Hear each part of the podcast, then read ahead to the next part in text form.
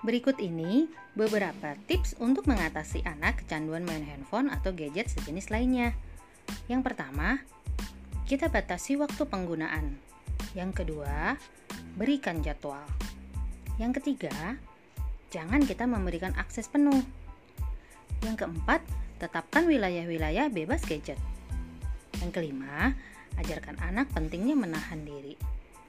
Yang keenam, berikan contoh yang baik. Kita sebagai orang tua harus memberikan contoh yang baik juga untuk anak-anak kita. Contohnya kalau anak sedang mengerjakan tugas atau PR, ya kita sebagai orang tua jangan sampai kita memegang handphone. Seperti itu. Saya yakin anak-anak kita pasti akan mengikuti kita sebagai role modelnya.